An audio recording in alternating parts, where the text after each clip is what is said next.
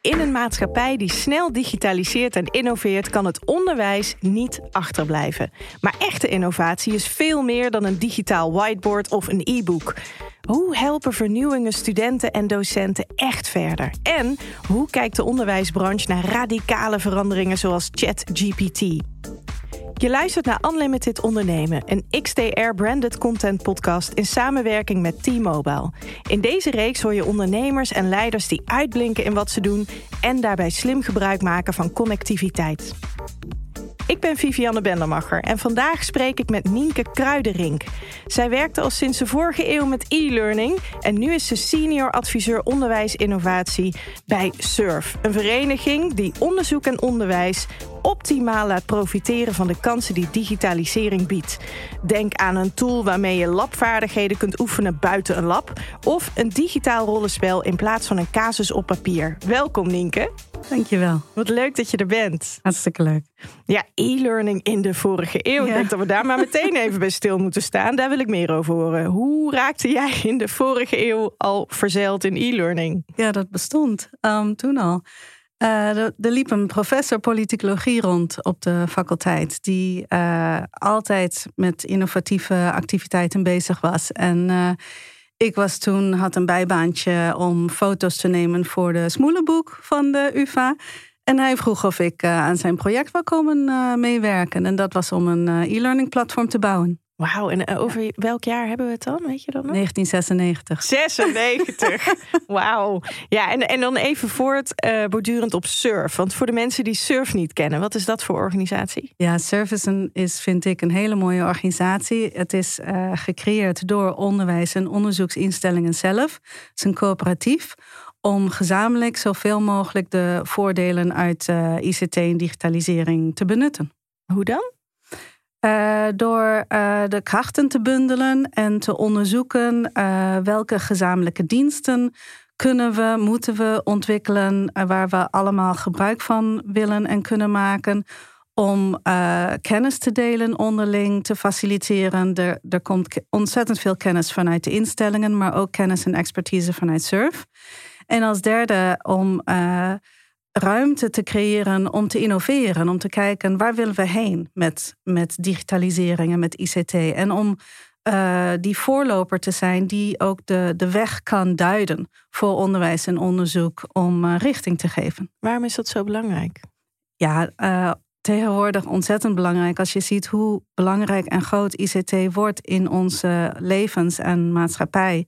Dat we daar ook ruimte in creëren om ook bewuste keuzes daarin te maken. En niet alleen maar reactief in het hier en nu bezig te zijn. En uh, van big tech of van kapitalisme of van de markt afhankelijk te zijn. Maar ook na te denken en te kijken naar uh, welke publieke waarden vinden we ook belangrijk in de platforms die we gebruiken. En daarvoor moet je ruimte scheppen om uh, die gesprekken te kunnen voeren. En daar is Surf heel mooi mee bezig, vind ik, de afgelopen jaren. Om daar ook aandacht voor te, te creëren. Kan je een voorbeeld noemen van zo'n publieke waarde? Uh, nou, eerst moet je herkennen dat technologie niet neutraal is. Er zitten altijd aannames in, er zitten altijd uh, een basis uh, denkgedachte daarachter. Van wat ga je doen met die data? Wat is je doel? Met het systeem? Uh, wat ga je ermee bereiken? En als die doelen niet aansluiten bij onze publieke normen en waarden, uh, democratisering, uh, inclusiviteit, gelijkheid. Ja, dan, dan heb je een probleem. Dan heb je dus een publieke sector die gebruik moet maken, of alleen maar gebruik kan maken van platforms die ontwikkeld worden in vooral een, ja, vooral laten we zeggen, Californië, in Silicon Valley, om even te chargeren. En dat willen we anders. En uh, daarvoor gebruikt Surf ook de methode uh, futuring. Waarbij je dus heel bewust bezig bent met scenario's om te gaan uitstippelen en te kijken. Als we nu zo doorgaan zoals we gaan, of de, met de drivers en de activiteiten die we nu zien, waar gaan we heen? En is dat ook de kant op die we willen? Of willen we misschien een andere kant op sturen en hoe kunnen we dat dan? En je kunt pas die keuze bewust maken als je ook ruimte creëert om dat te onderzoeken. Hmm, dit doet me een beetje denken aan Obama. Die was daar toch ook mee bezig met, met futuring en zo? Die had ook een, een briljante adviseur, vind ik zelf, uh, Amy Webb van de Future Institute. en ja, die maakt ook gebruik van dat soort expertise. En binnen Surf hebben we ook futurists die ons ook en ook de sector aan het helpen zijn om die skill, om die vaardigheid ons ook eigen te maken. Zodat we sterker staan in onze sector en beter geïnformeerd keuzes kunnen maken. En wat wil Surf nou concreet betekenen voor het onderwijs? Ja, voor het onderwijs en onderzoek. Dus vooral gericht op die digitalisering.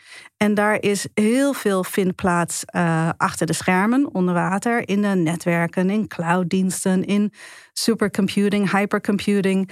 Uh, Snellius, dat is een, een ontzettend snelle uh, computer, net geopend door Maxima een paar maanden geleden. Dus uh, daar is Surf mee bezig. Dus met die briljante backbone die we ook vooral voor onderzoek heel erg hard nodig hebben die computing power. Maar aan de voorkant, dus in onderwijs richting studenten toe, zeker sinds de pandemie, is ICT speelt een veel grotere rol in het primair proces, in het directe contact tussen docent en student. En daar wil Surf, uh, heeft Surf ook van oudsher al een rol in gespeeld. En een steeds grotere rol om ook te adviseren.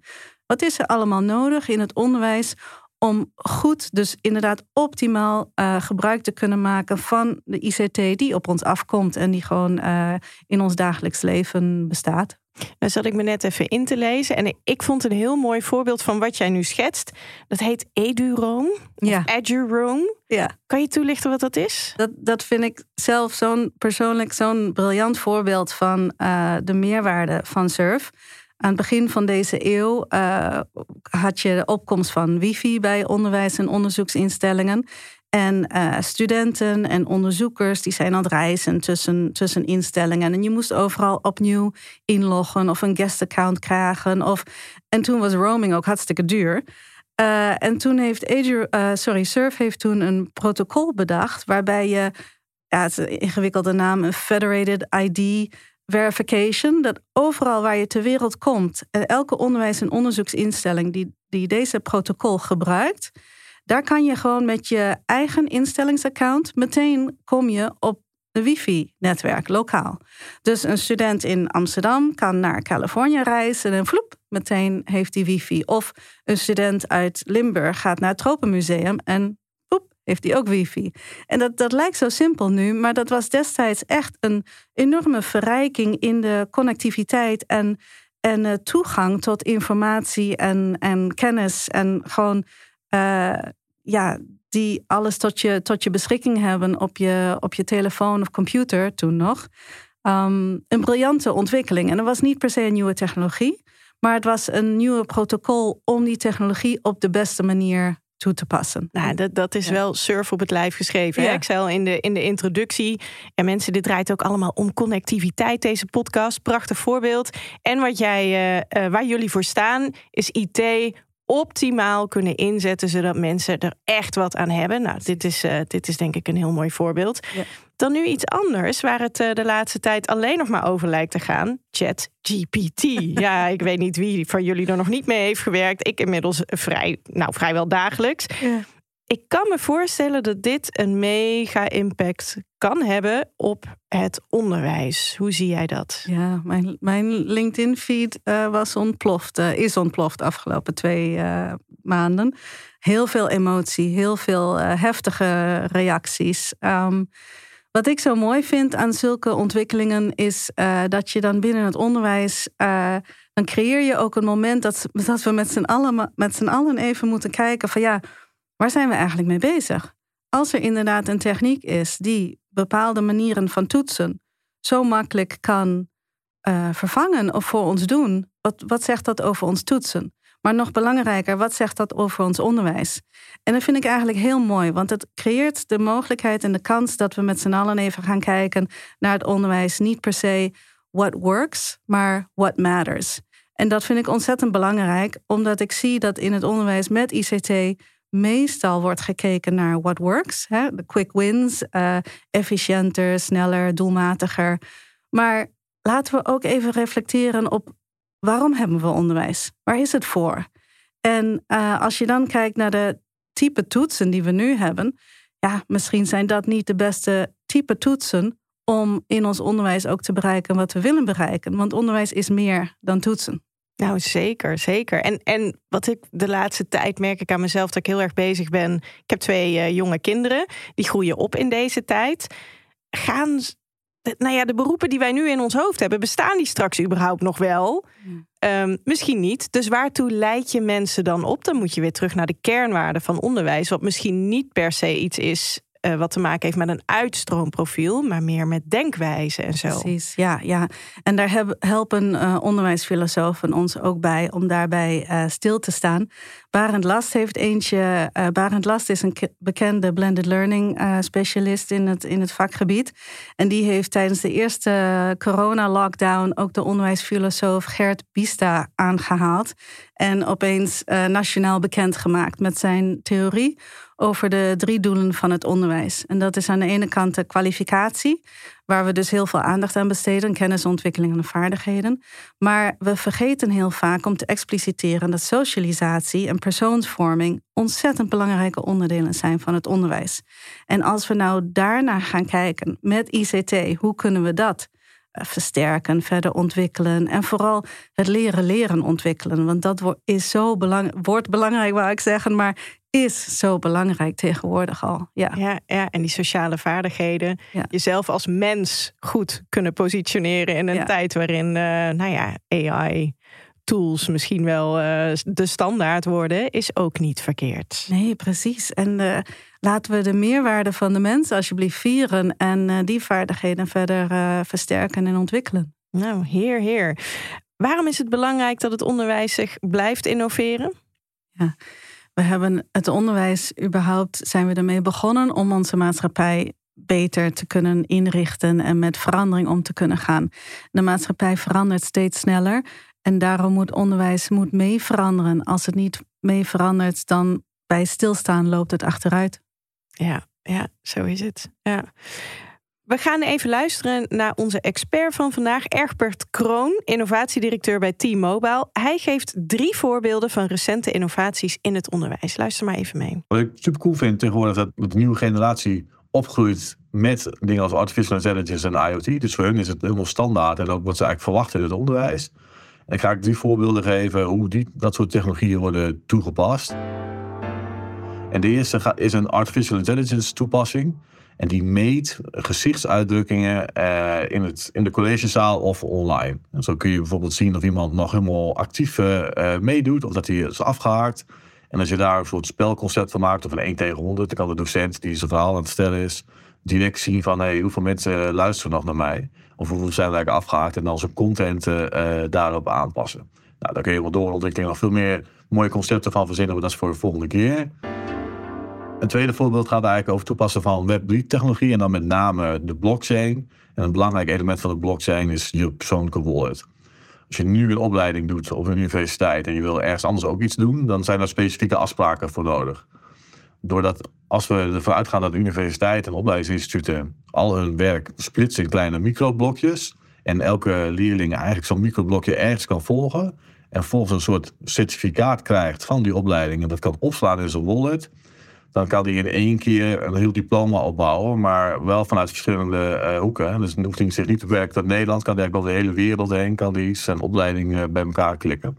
Bij komt het voordeel is ook dat hij continu gevalideerd is, dat hij zijn cijfers in opslaat en dat het ook nog eens fraude uh, beperkend werkt. En als laatste hebben we eigenlijk het voorbeeld van de virtuele laboratoria. En dat lijkt heel erg op het digital twin concept. Stel dat je automonteur zou willen worden, dan heb je daar een echte motor voor nodig. En dan kun je maar met een beperkt aantal mensen tegelijkertijd aan sleutelen. Door een digital twin te introduceren van die motor, kun je met meerdere mensen tegelijkertijd dat doen. Dan kun je voor uh, geprogrammeerde issues uh, erop loslaten, oplossingen. En als je er ook nog eens een gaming element aan toevoegt, dan kun je dus ook leerlingen sneller laten doorstromen en ja, verschillende levels halen en achievements halen. En ja, die achievements kun je opslaan in je digitale wallet. En dan hebben we de cirkel eigenlijk weer rond. Nienke, herken je in deze voorbeelden? Wat vind je ervan? Ja, ja, mooie voorbeelden. Uh, ik blijf aan de ene kant enorm geprikkeld worden door nieuwe technologieën die we bedenken. Die technologie op zich is ongelooflijk wat we, wat we al kunnen, hè, technisch gezien. Maar dan komt de uitdaging om het op een goede en effectieve en nuttige en nou ja, op een manier toe te passen in het onderwijs dat het echte meerwaarde biedt in de structuur en context van het onderwijs. Uh, deze voorbeelden zijn misschien voor een aantal heel ver van hun bed uh, show, zo voelt het. Maar ze zijn wellicht dichterbij dan, dan je denkt. Uh, met microcredentials zijn we al in Nederland bezig met een pilot. tien universiteiten en twintig hogescholen die bezig zijn om inderdaad in het kader van leven lang ontwikkelen, leven lang leren, microcredentials te kunnen uitgeven die betekenis hebben en uh, certificering. En daarbij moet je inderdaad niet vergeten, het gaat om die certificering en die accreditatie. Welke waarde geven we aan zulke uh, kredieten? En dat is dan weer de oude structuur waar je dan tegenaan botst met zo'n moderne technologie. En dat die oude wereld en nieuwe wereld met elkaar op een goede manier moeten gaan praten en afstemmen, want anders kom je niet verder. Dus uh, ja, die nieuwe technologie kan je inzetten. Ik weet niet uh, of ze blockchain daarvoor hebben gebruikt, maar het gaat inderdaad om die onderwijs in kleinere delen opknippen, zodat je flexibeler bent. Um, ja, en dan moet je gewoon echt uh, nog, heb je nog een paar stappen te gaan om die oude structuren zover te krijgen dat ze in de nieuwe wereld op die manier zo dusdanig kunnen veranderen. Dat betekent echt heel veel verandering. Ja. En dan heb je ook nog het thema ethiek, denk ik, waar je mee bezig moet zijn. Bijvoorbeeld zijn, zijn eerste voorbeeld waarbij je kunt zien aan gezichtsuitdrukkingen of leerlingen, studenten al zijn afgehaakt en dat dan de docent zijn content kan aanpassen. Nou, als ik nou, aan mezelf denk in mijn studententijd, er waren wel meer redenen waarom ik misschien content even niet kon volgen. Precies, ja. En we hebben nu ook al uh, drie jaar ervaring met studenten achter hun schermen en hoe dat werkt. En dat het ook voor de student zelf nadelig kan zijn dat ze zichzelf continu zien. Dus aan de ene kant wil je niet dat de student de camera uitzet, want je wilt verbinding tussen uh, docent en student creëren. En camera uit betekent uh, nou nogal uh, grote afstand. Aan de andere kant uit onderzoek blijkt ook dat het een nadelig effect kan hebben op de student dat hij zichzelf continu ziet. En dat is ook, ja, dat zijn gewoon nieuwe, nieuwe issues waar we mee moeten dealen. Maar ook uh, de, die eerste voorbeeld met AI in het onderwijs. We moeten ons ook realiseren dat de meeste data die nu gebruikt wordt om AI-algoritmes te trainen, zijn westerse data. Het komt uit Amerika. Kunnen we dat klakkeloos hier toepassen of in de rest van de wereld? Daar moeten we echt heel goed over nadenken. En dat is een rol die SURF kan pakken. Je zegt het in het kader van uh, diversiteit en inclusiviteit. Ja. Westerse data als in misschien wel heel veel witte gezichten bijvoorbeeld. Witte en, mannen uh, tussen ja. 30 en 50 jaar. Ja, ja. nou dat sluit nogal bevolkingsgroepen potentieel uit. Nogal. Iets waar we erg uh, alert op moeten zijn. Laten we nog even wat verder duiken in concrete voorbeelden. Um, het beeld van innovatie in het onderwijs wil ik nou ja, hiermee nog even iets concreter proberen te maken. Ik zat namelijk op jullie website en toen zag ik een video van een rollenspel voor studenten personen- en familierecht. Normaal gesproken leren zij van papier wat er allemaal kan spelen bij, let's say, een echtscheiding. Maar dat komt natuurlijk nooit echt tot leven als, um, als zoals het zou kunnen zijn als je echte mensen ziet, toch? Met echte emoties. Ik begreep dat docenten van verschillende onderwijsinstellingen nu samen hebben bedacht wat er allemaal in een rollenspel te zien zou moeten zijn om een echtscheiding echt goed te kunnen illustreren. En dan kunnen studenten na het zien van zo'n film veel beter bedenken hoe ze zo'n situatie zouden aanpakken aan de hand van een video, dus in plaats van een casus op papier. Dat is een mooi voorbeeld. Hartstikke mooi voorbeeld. En uh, daarin kan je zien dat technologie ons echt kan helpen in de processen, in leerprocessen, waarbij je informatie en kennis moet internaliseren als lerende. En hoe bereik je dat punt en hoe ontwerp je uh, curriculum en cursussen daarvoor? Je moet een verdiepingsslag kunnen bereiken in de lerende. En daarbij kunnen we verrijkte media, dus verschillende vormen van technologie gebruiken om die leercurve bij de lerende uh, te versterken, te verdiepen, te verbeteren. En dat is inderdaad met dit soort videovoorbeelden en tegenwoordig ook met virtual reality. Dat is ook uh, een stukje technologie die in het vakgebied experiential learning, dat je echt iets beleeft, uh, kan het echt een verdiepingsslag brengen. En als je VR verbindt met connectiviteit, dan zijn er ook prachtige voorbeelden waar twee verschillende onderzoekers of studenten op, op twee verschillende continenten in dezelfde kamer naast elkaar kunnen zitten of in een lab samen kunnen zitten en samen kunnen werken aan onderzoek of een onderwijsopdracht. En dat is een enorme verrijking van die beleving. Ja, fantastisch. En, en nou werk jij ook mee aan een programma over studiedata vanuit SURF. Wat houdt dat precies in? Ja, ja, dat is uh, echt een heel boeiend uh, sector, vind ik zelf ook. Uh, hoe meer ICT we aan het gebruiken zijn in het onderwijs, hoe meer data we aan het verzamelen zijn over de lerenden en ook over docenten en ook over onze onderwijsinstellingen zelf en de tools die we daar, daarin aan het, mee aan het gebruiken zijn. Die data, die zijn we aan het opslaan, maar wat kunnen we ermee? Dat zijn de vragen die we ons nu aan het stellen zijn. Het gebied van learning analytics bijvoorbeeld, uh, tien jaar geleden begon dat op te komen met de vraag, inderdaad, al die data die we nu aan het verzamelen zijn en gaan verzamelen. Hoe kunnen we interventies ontwerpen voor de student, voor de docent, voor de instelling, om te leren van deze data en betere geïnformeerde keuzes te maken?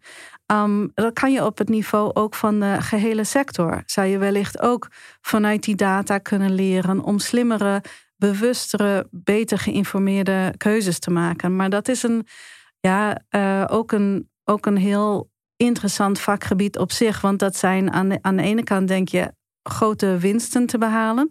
Aan de andere kant ook grote gevaren om te kort door de bocht uh, grote aannames te maken op basis van data of verkeerde algoritmes te gebruiken. Dus het is echt een double-edged sword. Je kan, uh, de, dus ik, ik I tread softly, zeg maar, als we bezig zijn met studiedata. Je kan prachtige dingen ermee bereiken en die ambities hebben we ook. maar je moet ook heel kritisch zijn over wat we aan het doen zijn. Ja, ja. Ja, ja, ik denk dat je dat, dat is een hele mooie boodschap, denk ik ook voor de luisteraars. Altijd kritisch blijven, ook al kan er zo ontzettend veel. Uh, weer even terug naar dat klaslokaal.